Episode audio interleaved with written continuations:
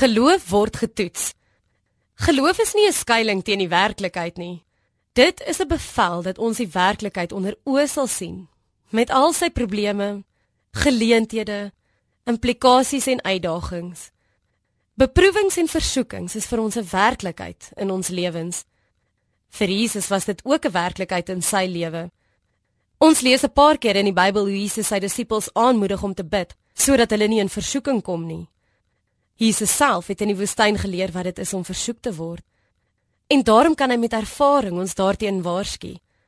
Maar in 1 Korintiërs 10 vers 13 lees ons dat God nooit sal toelaat dat ons bo ons kragte versoek word nie. Hoe is dit dan moontlik dat sekere mense hulle self oorgee aan hierdie versoekings? H.O. Fanning skryf dat versoeking die wêreld in twee groepe verdeel. Die wat daaraan toegee en daardeur ondergaan en die wat hulle versoekings ontmoet met sukses en krag van karakter vind deur hulle oorwinning. Vir die een groep is hulle struikelblokke en vir die ander groep 'n trappie. Vir die een is hulle hindernisse en vir die ander is dit hulpmiddels. Dit is nie ons versoekings wat tel nie, maar die manier waarop ons hulle hanteer. Sally Asreweg vertel dat hy tydens 'n CSV klas aan die Strandhoërskool vir 'n groep kinders gevra het: "Wat is die verskil tussen versoekings en beproewings?" 'n Dogter in graad 11 het gewaag om haar opinie te gee. 'n Versoeking is iets wat die duiwel in jou lewe stuur om die slegte wat in jou is te voorskyn te bring.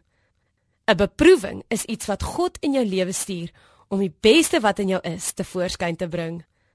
Die merkwaardigheid van hierdie eenvoudige antwoord was dat dieselfde dogter 2 weke van tevore beide haar ouers in 'n motorongeluk verloor het.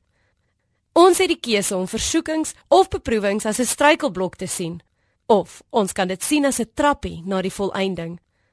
Ons kan kies om tye van versoekings te gebruik om raak te sien wat die slegte in ons is sodat ons dit kan transformeer na die mooie. Ons kan kies om in tye van beproewings te sien as God se vormende hand wat aan ons poleer en dit wat goed en mooi is nog blinker maak. 1 Petrus 1 vers 7 sê uitdruklik vir ons: "Julle geloof is baie kosbaarder as goud. Goud wat vergaan. Selfs die suiwerheid van goud word met vuur getoets, en die egtheid van julle geloof moet ook getoets word, sodat dit lof en heerlikheid en eer waardig mag wees by die wederkoms van Jesus Christus." Mag jy weet dat 'n versoeking of 'n beproewing 'n bedekte seën van God af is om jou deel te maak van die saligheid wat die einddoel van julle geloof is.